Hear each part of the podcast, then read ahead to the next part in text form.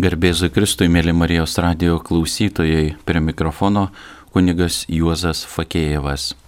Šiandien Katechezės laidoje tema susijusi su šios dienos liturginė švente, tai trijų arkangelų - Mykolo, Gabrieliaus ir Rapolo. Ir Katechezės tema - arkangelų misija. Angelų tema yra pakankamai įdomi šiais laikais Ypač e, ji traukia ir masina e, įvairių visokių ypač ezoterinių judėjimų žmonės, taip pat bioenergetikų ir panašiai. Ir pakanka įvesti žodį angelai bet kurią internetinę paiešką ir labai daug medžiagos atsiras šią temą. Tik labai gaila, dažnai rasta medžiaga neturi nieko bendra su krikščioniška doktrina. Angelų pasaulis galima sakyti, kad tai kita civilizacija, kuri yra šalia žmonių, tai grinų dvasių pasaulis, apie kurias iš tikrųjų nedaug žinome. Tačiau viešpats kviečia mus pažinti šitą pasaulį tiek, kiek mes galime jį priimti ir suprasti.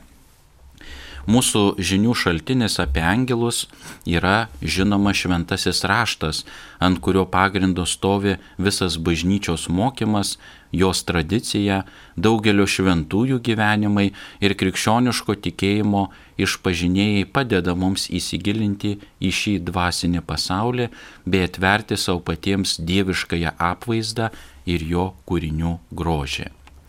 Angelų egzistavimas mums padeda suvokti, kad visa Dievo kūryba mums nesuvokiama arba nesuprantama. Kūrinių žymiai daugiau nei mes galvojame ir žmonės taip pat kūriniai gerokai paslaptingesni negu mums atrodo. Netgi mūsų labai geri pažįstami ir draugai liks mums kažkuria prasme nesuprantami. Netgi jeigu kažkas netiki angelais, tai nereiškia, kad jų nėra. Jie egzistuoja nepriklausomai nuo to, kas nors tiki jais ar netiki. Angelų mes nematome, kadangi jie neturi kūnų. Tačiau jeigu pavyzdžiui kas nors negirdi, tai nereiškia, kad nėra garso. Arba jeigu kažkas nemato, tai yra aklas, tai nereiškia, kad neegzistuoja spalvos. Taip pat viešpats sugalvojo tokį nematomi, nematomą pasaulį, Jis sukūrė kiekvieną angelą, padovanodamas jiems savo meilę, išminti, grožį. Ir to nori pats viešpats, kad mes žmonės, taip pat jo kūriniai, draugautume, bendradarbiautume ir garbintume viešpatį kartu su angelais. Kažkas gali paklausti, o kiek iš viso yra angelų? Biblija sako, kad tūkstančiai, milijonai, milijardai, o tai reiškia labai daug ir nesuskaitomas skaičius. Kai kurio angelų žinome net vardus, kurie paminėti Biblijoje. Ir čia reikia pabrėžti, jog bažnyčia moko, mes galime naudoti tų angelų vardus, kurie išvardinti kanoninėse šventojo rašto knygose. Buvo tokie laikai, kad kai kurie pradėjo garbinti angelus, kurių vardai yra apokrifuose arba kitose knygose. Primenu, apokrifai tai tokia, sakytume, liaudės interpretacija Evangelijos, Jėzaus asmens atžvilgių, Marijos atžvilgių, tokia, žinot, tai paprastai tariant, liaudės folkloras. Ir tuomet 745 metais Romos susirinkime, valdant popiežiui Zacharijui, e, taip pat vėlesnėme susirinkime 789 metais buvo uždraustas angelų garbinimas su jų vardais įskyrus tris - Mykolą, Gabrielių ir Rapolą, paminėtus kanoninėse švento rašto knygose. Buvo pabrėžta, kad naudojant kitų angelų vardus, mes galime netgi to nesuprantant kreiptis į puolusius angelus, tai yra į demonų pasaulį. Tai ypač pasakytina apie vieną labai garso uh, Urielio angelo vardą, kurio garbinimas, kaip labiausiai paplitusi, patenka į netgi ekskomuniką. E, šio klausimo patvirtina šitą ekskomuniką ketvirtas Konstantinopolio sinodas savo mokymo nuo 869-870 metų. Išėjimo knygoje skaitome, kad Dievas Izraeliui pasakė, tikėk manimi, aš siunčiu angelą pirmą tavęs saugoti tave kelyje ir nuvesti tave į vietą, kurią paruošiau. Būk jam atidus ir klausyk jo balso. Jis turi mano vardą. Tai prašoma išėjimo knygoje. Dievas yra kiekviename angele, kadangi jis sukūrė jį ir angelas visada vykdo jo valią. Galima sakyti, kad kiekvienas angelas savyje neša dalelę Dievo, atskleidžia mums tiesą apie jį. Apie tai liudyja arkangelų vardai, kurie hebrajų kalboje skamba taip - Mikael, Gebereel ir Rafael. Kiekviename iš šių vardų yra dalelytė L, kuri reiškia Dievas. Izraeliečiai jį naudodavo kaip pakaitalą viešpaties vardui, kurio jie netardavo iš pagarbos ir iš baimės prieš visagalį. Taigi matome, kad angelų vardai pabrėžia viešpaties, kuris visada yra centre pirmuma. Tuo tarpu New Age judėjime angelai yra kaip autonominiai dievai ir niekam netarnauja. Krikščionybė angelai atveda pas Kristų, o jų vardai tai Dievo šlovinimas.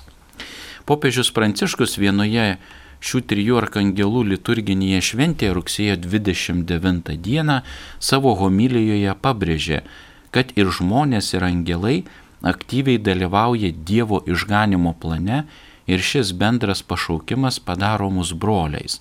Jeigu jie, angelai, mūsų broliai, tai tuo labiau mes kviečiami daugiau sužinoti apie juos ir su jais draugauti. Kodėl trys arkangelai? Tai viena, viena iš svarbiausių galimybių, kadangi angelai visada yra Dievo atspindys, pačios švenčiausios trybės atspindys, beje vienintelis leistinas švenčiausios trybės atvaizdas, tai Senojo testamento trybė, trys angelai aplankę Abromą. Todėl bažnyčia prisimena šiuos tris arkangelus Mykolą, Mykolą Gabrielį ir Rapolą vieną dieną. Kiekvienas iš jų simbolizuoja vieną iš trijų Dievo bruožų - gėri, protą ir grožį. Arkangelai Mykolas, Gabrielius ir Apolas yra visų angelų įvaizdis arba paveikslas.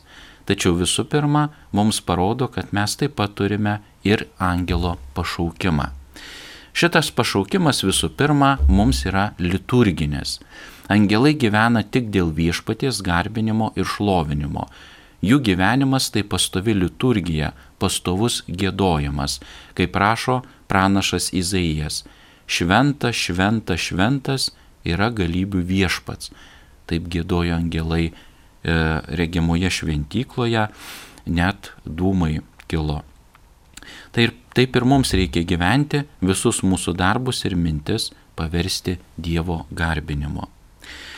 Arkangelai taip pat mums parodo mūsų diplomatinį pašaukimą.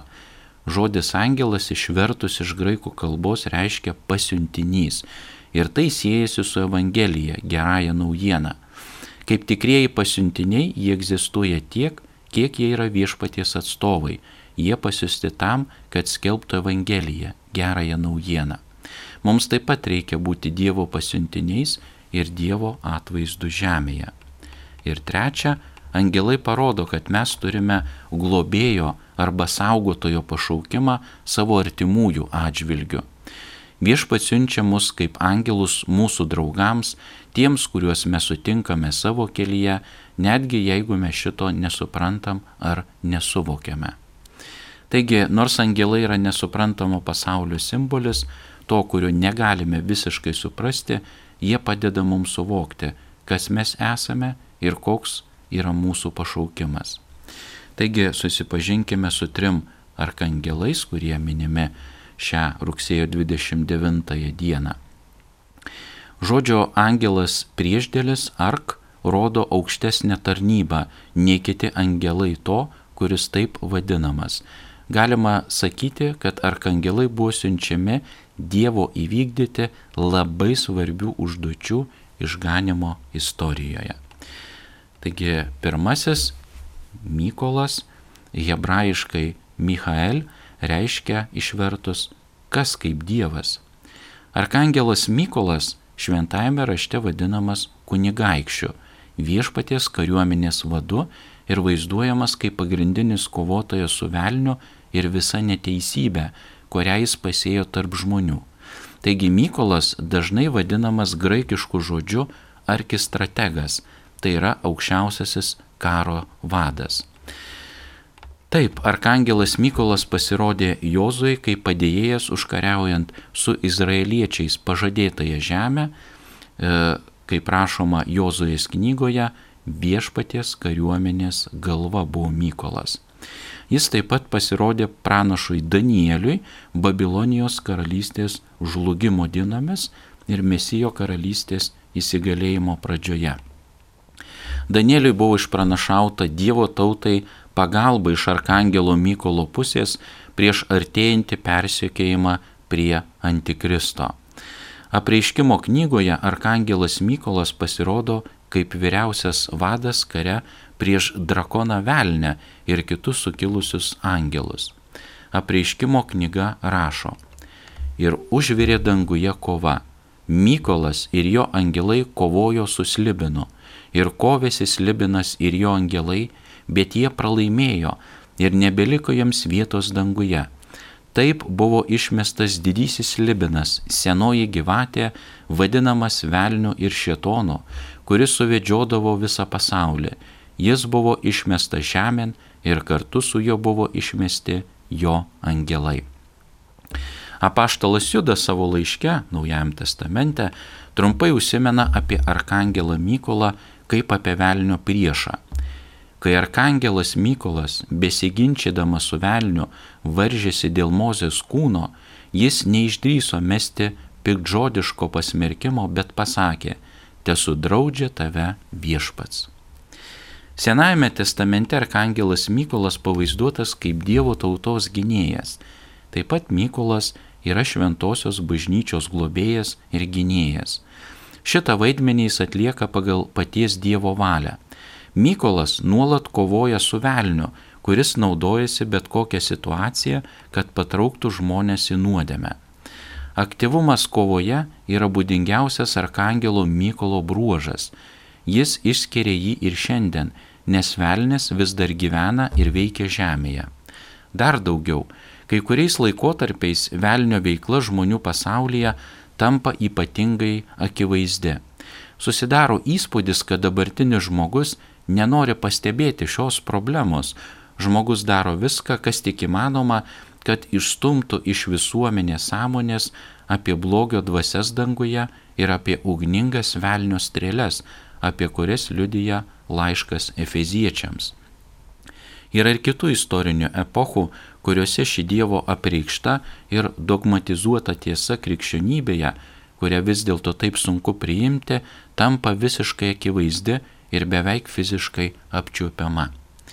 Velnio aktyvumas visuomenėje ir žmonių sielose, kuris tapo akivaizdus ir beveik fiziškai juntamas, dėl to skatina bažnyčią kreiptis į šventąjį Mykolą pagalbos negandose ir apsaugoti nuo velnio veikimo.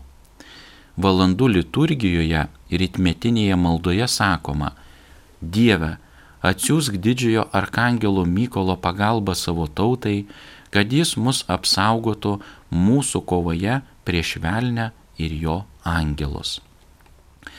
Tai pilnai tikroviškos ir labai pavojingos atakos, naikinančios Kristaus gyvybę žmonių sielose. Vienintelė apsauga nuo jų - Dievo malonės, angelų ir mūsų dangiškosios motinos Marijos pagalba. Arkangelo Mykolo gerbimas buvo pastebimas jau žydų tautoje o krikščionis nuo pat pradžių ir amžių bėgyje ypatingai gerbė ir gerbė šį arkangelą, kas liudyja bažnyčių paskirimą jo garbiai. Tai yra dedikacija jo vardu, pradedant nuo ketvirtojo šimtmečio. Vien Konstantinopolyje buvo dedikuota šventam arkangelui Mykolui 15 tokių bazilikų. Pirmaisiais amžiais krikščionys gerbė Mykolą kaip dangiškai gydytoją, jo užtarimo prašė mirtini ligoniai. Ikonografijoje Mykolas labai dažnai vaizduojamas su kalaviju nugalintis drakoną arba laikantis svarstyklės ant kurių sveria gerus ir blogus darbus atėjusių sielų į viešpaties teismą. Kadangi Mykolas yra bažnyčios gynėjas ir užtarėjas, ji taip pat vaizduoja su smilkituvu rankose, pristatanti bažnyčios maldas prieš Dievo, prieš dievo sostą. Apie Mykolo pagerbimo intensyvumą liudyja taip pat ne tik daug liturginių maldų, bet ir kitos maldos formos - litanijos, novenos ir giesmės. E, yra verta dėmesio malda užrašyta popiežiaus Leono XIII 1886 metais, ją buvo siūlyta kalbėti po kiekvienų šventų mišių. Šventasis arkangelai Mykolai, apsaugok mus kovoje, užstok nuo blogio ir velnio klastos. Dieve liepk jam, taip mes prašome maldaudami. Ir tu, dangaus kareivijų kunigaikšti, nuversk šetoną ir kitas piktasias dvasias, kurios norėdamos mūsų vilioti klajoja po pasaulį. Dievo gale išmesk jas į bedugnę. Amen. Amžių eigoje Arkangelo Mykolo liturginę šventę švesdavo du kart - gegužės 8 dieną, prisimenant pasirodymus ant Monte Sant Angelo kalno Italijoje 5 amžiuje ir rugsėjo 29 dieną Romos bazilikos pašventinimo dieną prie Vija Slerija. Po to, kaip popiežius Jonas 23 padarė pakeitimus liturginėme kalendorijoje, jame liko tik rugsėjo šventė. O po Vatikano antrojo susirinkimo reformos 1969 metais tą dieną prisimindavo ir kitus du arkangelus. Kaip jau buvo minėta, arkangelas Mykolas yra bažnyčios, o taip pat daugelio šalių ir miestų, policijos ir laimingos mirties globėjas. Kiekvienam iš mūsų jo vardas, kas kaip Dievas, primena apie tai, kad Dievas yra vienas ir niekas negali su juo susilyginti. Todėl reikia viešpačiai atiduoti visą savo gyvenimą, tapti be baimių jo kariu. Vardas Mykolas pažadina uh, mums teikti šlovę viešpačiui vien už tai, kad jis yra, kad jis egzistuoja ir už tai, kad dėka Dievo esu aš ir egzistuoju bei gyvenu. Kartu su Arkangelu Mykolu mes kiekvieną sekmadienį turime galimybę gėdoti himną, kurį angelai gėdojo Betliejuje, garbė Dievui aukštybėse.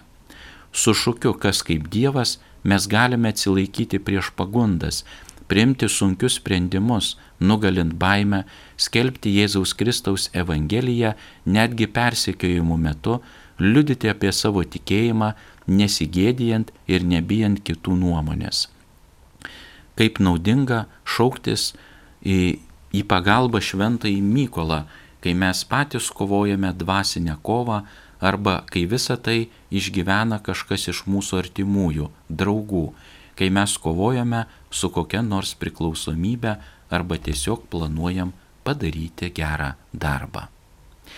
Čia palisėkime, bandykime mintise ir širdyje sudėlioti kai kuriuos dalykus. Primenu katechezės temą arkangelų e, misija arba užduotis prie mikrofono kunigas Juozas Fakėjevas. Klausysime gesmės, kurią atliks dainos Gediminas Storpirštis pavadinimu Arkangelai.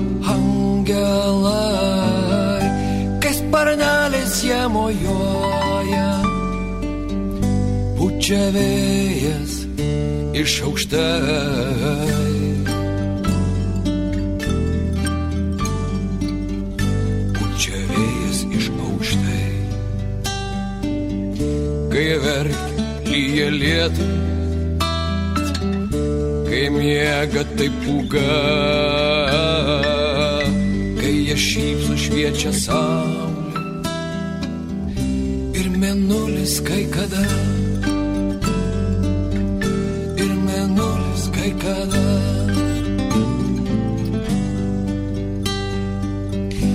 Ant didžiulio debesilio miega du ar angelai, kai jie knarkia ir sapnuoja, žemė girdisi griausmai.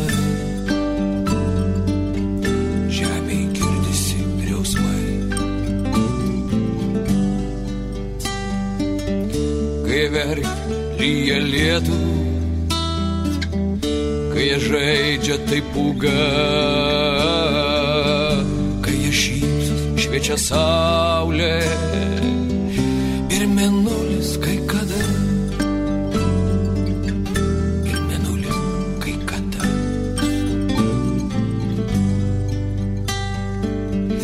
Jei mėgodamas vaikelį, akeles, pamatysi prie lovelės angelėlio plunksnelę.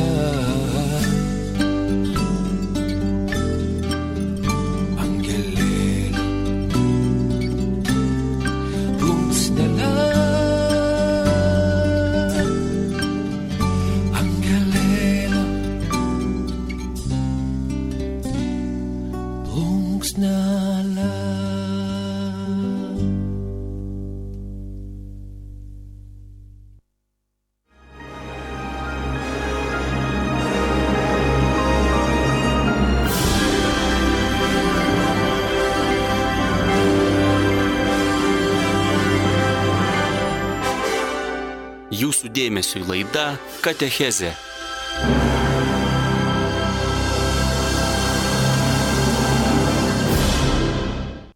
Sugrįžome su visais arkangelais į Katechezės laidą. Šiandien rugsėjo 29-ąją minimi trys arkangelai, kurių vardai minimi Biblijoje - Mykolo, Gabrieliaus ir Apolo liturginė šventė. E, Šios dienos Katechezė - arkangelų misija prie mikrofono kunigas Juozas Fakėjevas.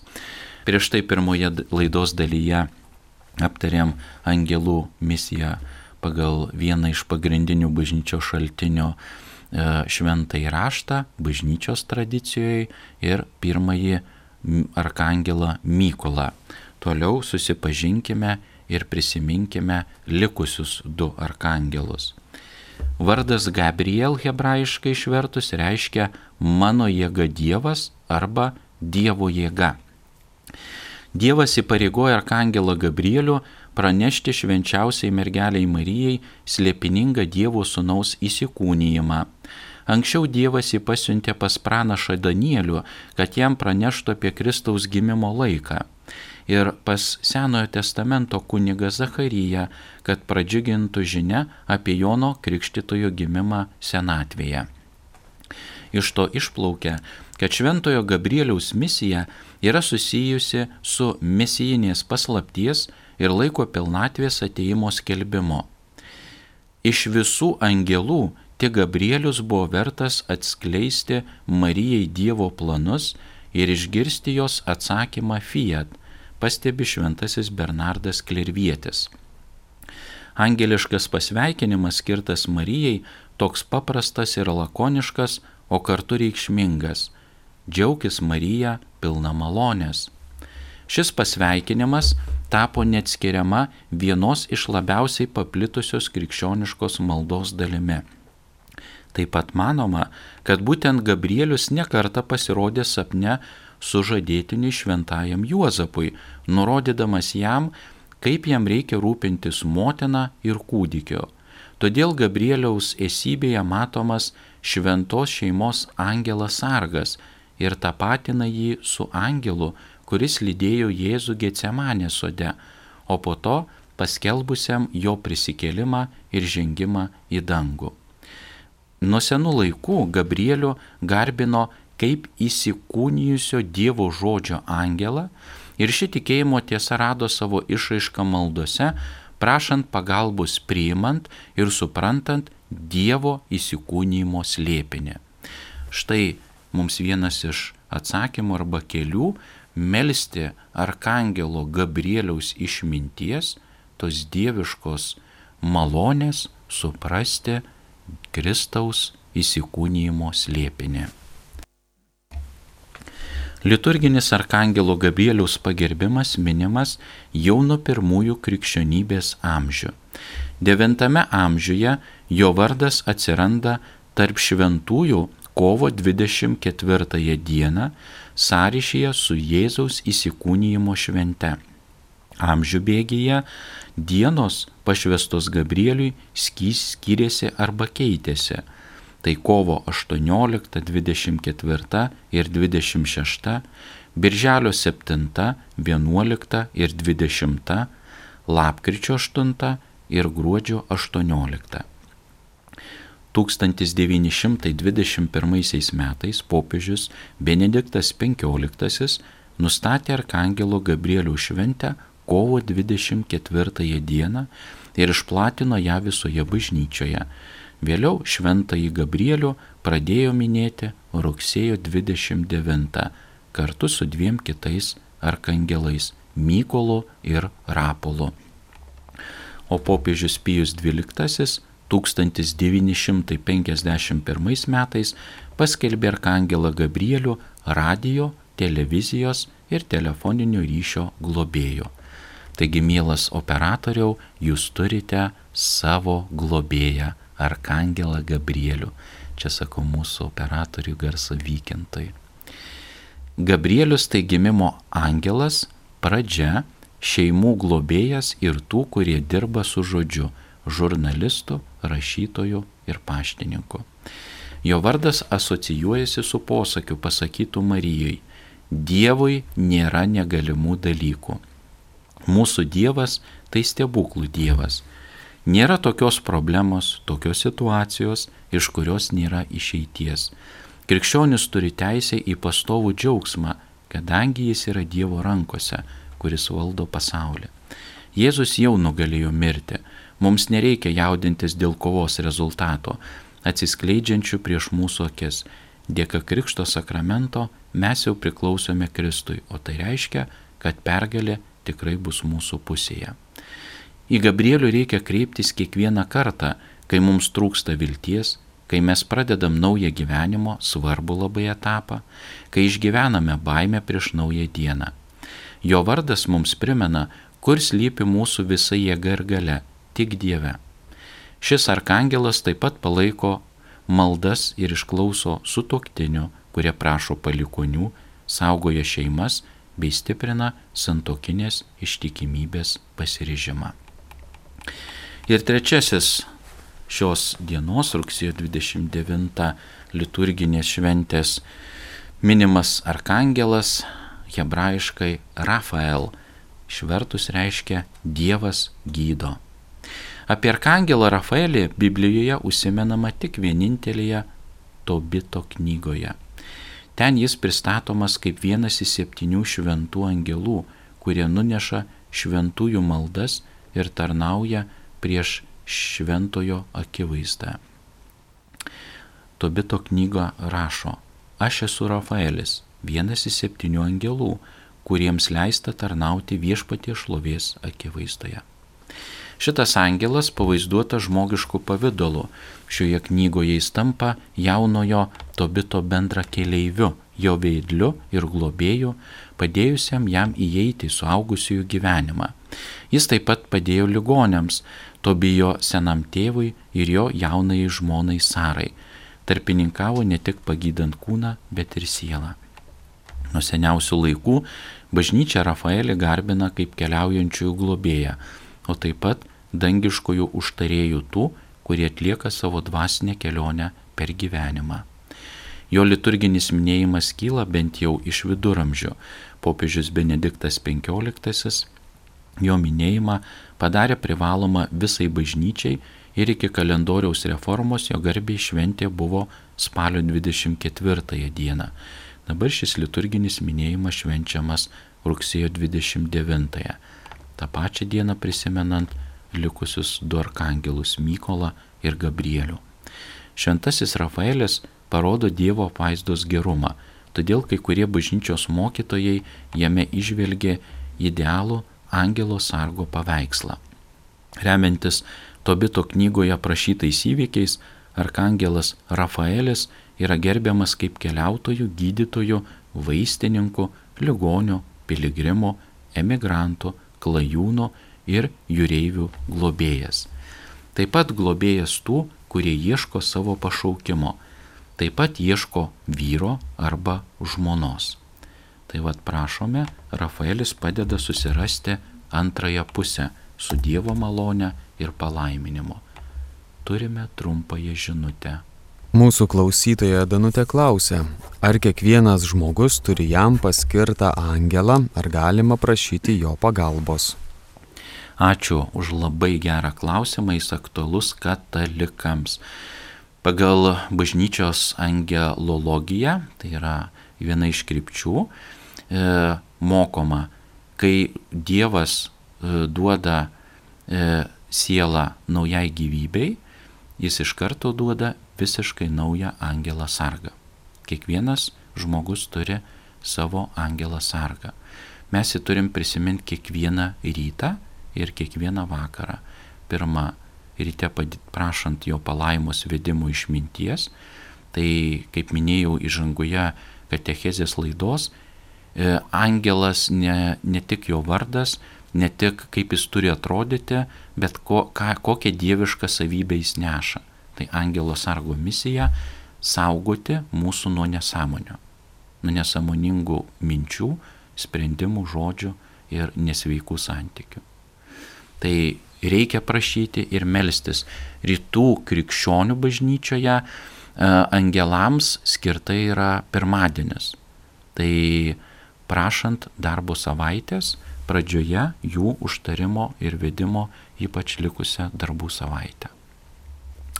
Teskime toliau, baigiant apie trečią arkangelą, jo apibūdinimą Rafaelį. E, savo elgesiu Rafaelis liudyja, kad Dievas geras ir nenori žmogaus mirties, jog Dievas nesukūrė lygų ir kančių, kad jo troškimas suteikti žmogui palengvinimą liudesyje ir apdovanoti gyvenimo pilnatve. Būtent į Dievą reikia kreipti sunkiomis aplinkybėmis arba lygos atveju, o ne pas ekstrasensus, bioenergetikus, burtininkus ir panašiai. Dievas pats geriausias gydytojas ir jis nori mus išgydyti. Į Rafaelį galima kreiptis pagalbos taip pat liūdėsio akimirką depresijos ir krizės metu. Šiame 21-ame amžiuje katalikai patys turi tą praktikuoti ir galbūt suteikti, vat, kai yra depresijos, įtampos šiuo pandemijos laikotarpiu, tos tamsos, nes mūsų reikia ir gydyti sielą.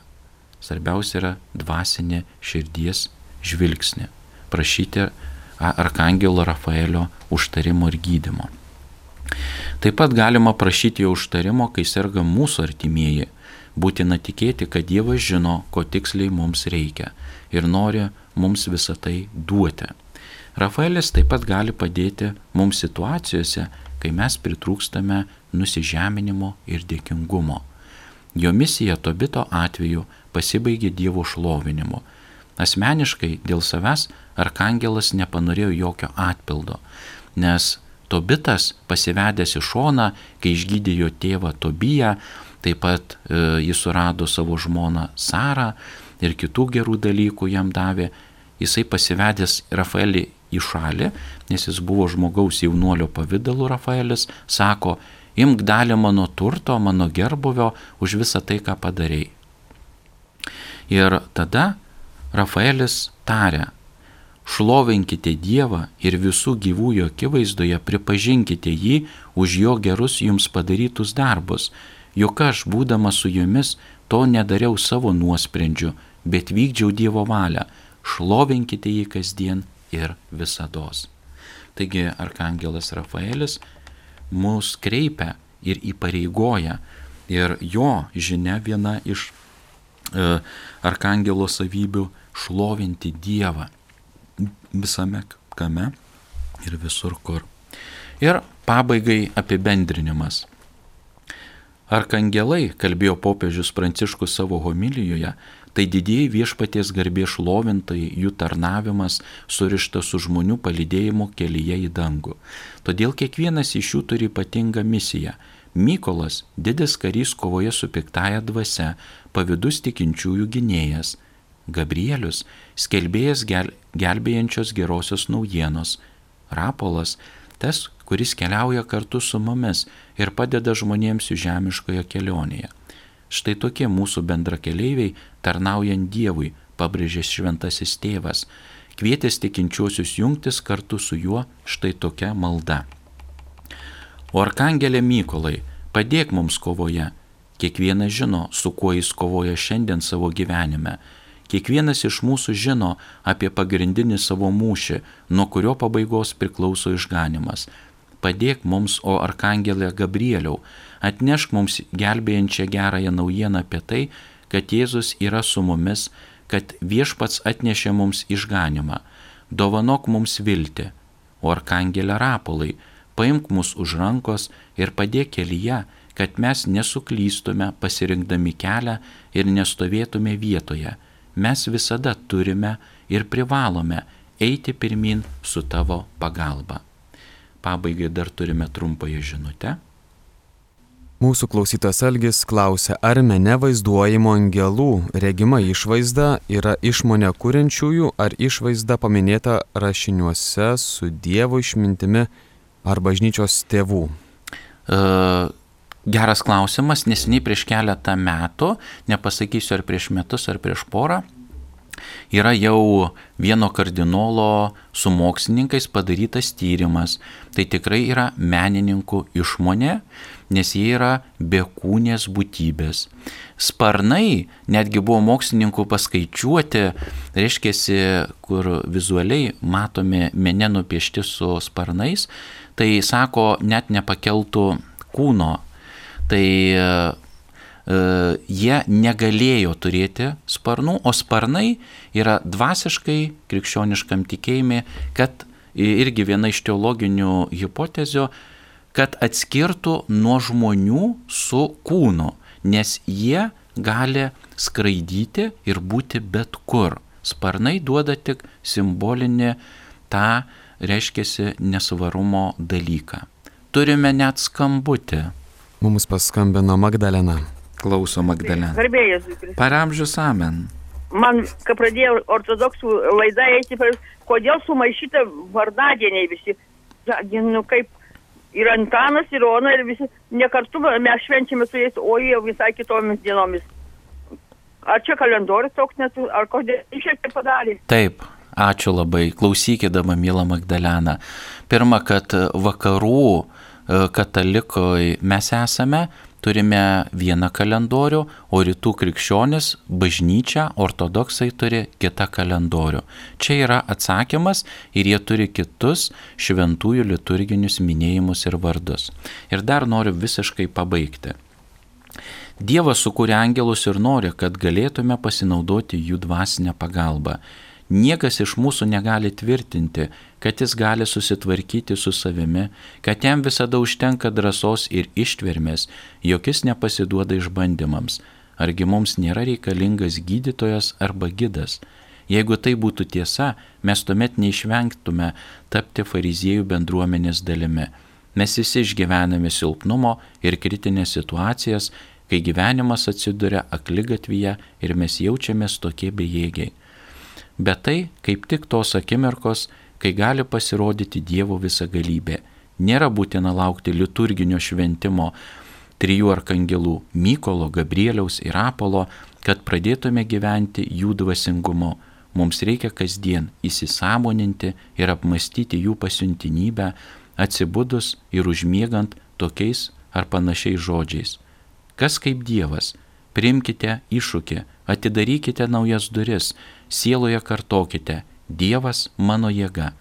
Kreipkitės dvasinės pagalbos ir palaikymo pas Dievą, kuris išgydo.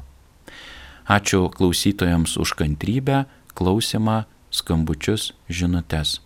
Laidos tema buvo Arkangelų misija, e, švenčiant e, rugsėjo 29-ąją Gabrieliaus, Mykolo ir Rapolo liturginę šventę. Prie mikrofono buvo kunigas Juozas Fakėjevas. Visiems palaimingos, gražios dienos ir angelų globos sudė.